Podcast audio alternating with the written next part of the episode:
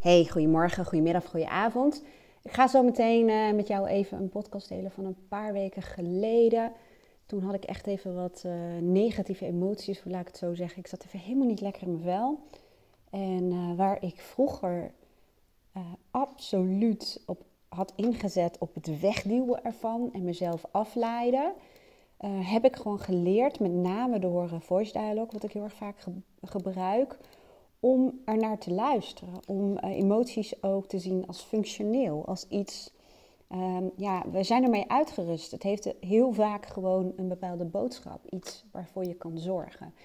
En hoe ik dat doe en hoe jij dat dus ook kan doen, leg ik je uit in deze podcast. Maar um, ik krijg ook heel vaak reacties naar aanleiding van de podcast. Dus uh, inmiddels uh, gaat het weer hartstikke goed met me. En, nou, ik neem deze extra podcast even op Ehm, nou ja, anders dan uh, krijg ik waarschijnlijk heel veel berichtjes met uh, nou, sterkte en dat soort dingen. Dat is hartstikke lief, maar inmiddels is het opgelost. Uh, maar ik hoop in elk geval dat jij hier iets aan kan hebben. Nou, veel luisterplezier. Doei doei. Hey, goedemorgen, goedemiddag, goedenavond. Dit keer een korte podcast en die gaat erover dat ehm, de meeste mensen het liefst zich altijd goed willen voelen. En dat is natuurlijk logisch. Dat dat, dat is hartstikke logisch, op waarschijnlijk helemaal niets aan toe te voegen.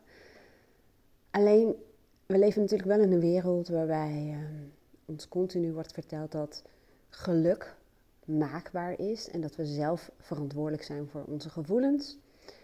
En uh, nou ja, dat het je oncomfortabel voelen of verdriet hebben uh, zo kort mogelijk moet duren. dat doen we ook vaak door toevlucht te zoeken in bijvoorbeeld harder werken of jezelf afleiden. En uh, ik ben het eens dat, ja, denk ik, de bedoeling is om je zo goed mogelijk te voelen. En uh, nou ja, dat je in zekere mate zelf verantwoordelijk bent voor je gevoelens. Hè, want dat heeft heel erg te maken met hoe je denkt. Alleen in het leven komen natuurlijk dingen tegen die ons triggeren of waar we uh, door geraakt worden. En ik denk dat het gewoon ook niet gezond is om proberen daar zo snel mogelijk overheen te stappen. En je merkt op een gegeven moment, of je merkt dat heel veel mensen een soort lage, ja, soort van frustratietolerantie hebben. En ehm, ja, dat ze zo snel mogelijk willen dat dat vervelende gevoel weggaat. En dat lukt soms niet. En er tegen vechten leidt over het algemeen niet tot de beste oplossing. Nou, ik heb vandaag zo'n dag dat ik me gewoon, ja, hoe moet ik het zeggen? Nou ja, dat is stap 1. Soms is het al slim om um, het als het ware te identificeren. Van, hè, wat is er op dit moment aan de hand? Nou, ik merk gewoon dat mijn energieniveau wat lager is. En uh, ik bruis niet van de energie en mijn tempo is gewoon wat trager.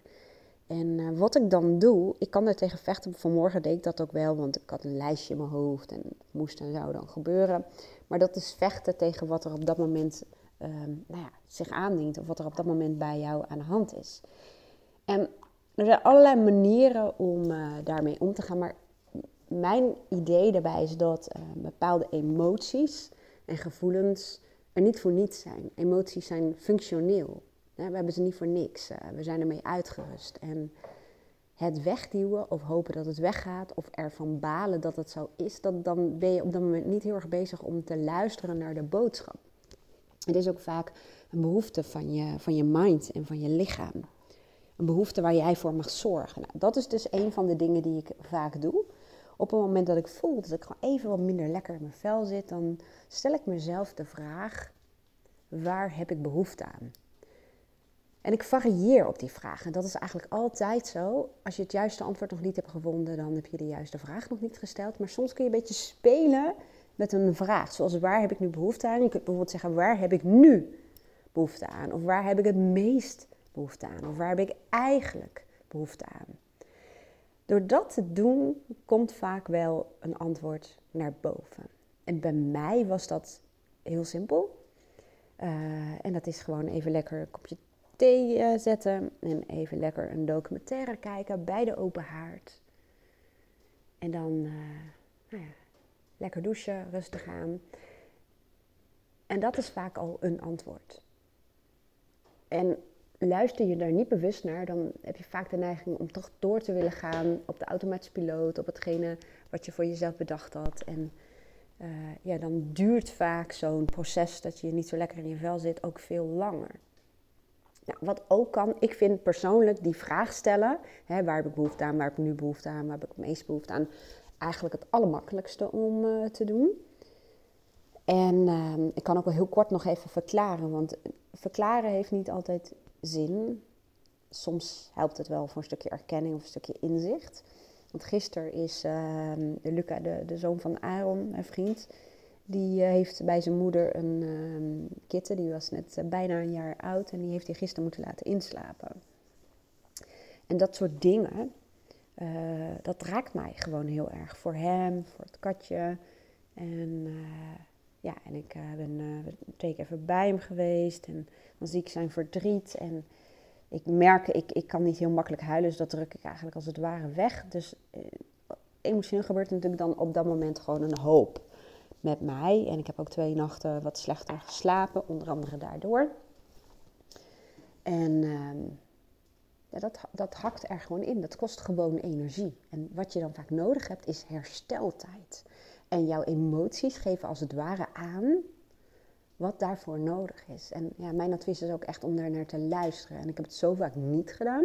Alleen dan vertraag je dat herstelproces en dan ga je dus veel langer last hebben van die dingen uh, nou ja, die je voor je gevoel hinderen.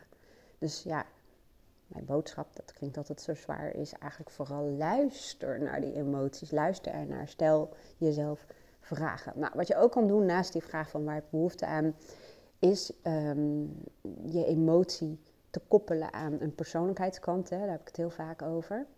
Ik kan bijvoorbeeld denken, wat voor kant in mij is nu actief? En wat wil die van me? Waar moet ik voor zorgen? Dat is eigenlijk een beetje hetzelfde, hè? Van zoeken naar de behoefte die op dit moment het uh, belangrijkste is.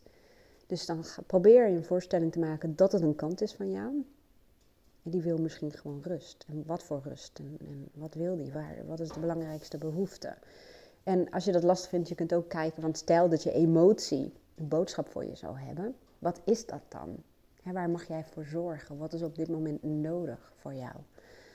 Als je dat gaat doen en dus echt gaat zorgen voor die behoefte, en uh, soms is die niet wat je denkt dat het is. Voor mijn geval, heel vaak denken mensen, ja, is rusten. Oké, maar rusten is zo'n container. Maar in mijn geval kwam er dus uit dat ik gewoon even lekker een documentaire wilde kijken. Maar soms komt het bij mij ook uit om gewoon even lekker emmer sop te pakken en alle ramen te gaan wassen. En dan merk je vaak ook dat je je uh, nou ja, letterlijk en figuurlijk weer wat opgefrist voelt. Nou, ik hoop dat je er wat aan hebt. Als dat zo is, dan um, je hebt hier wat aan deze podcast, dan zou ik het heel erg waarderen als je het voor me terug wil doen. En uh, dat kun je doen door een reactie of een review achter te laten op mijn podcastkanaal een beoordeling. Dus hoeveel sterren je mijn podcastkanaal uh, waard vindt. Dat zou ik enorm waarderen. Ik wil je bedanken voor het luisteren en tot de volgende podcast. Doei doei!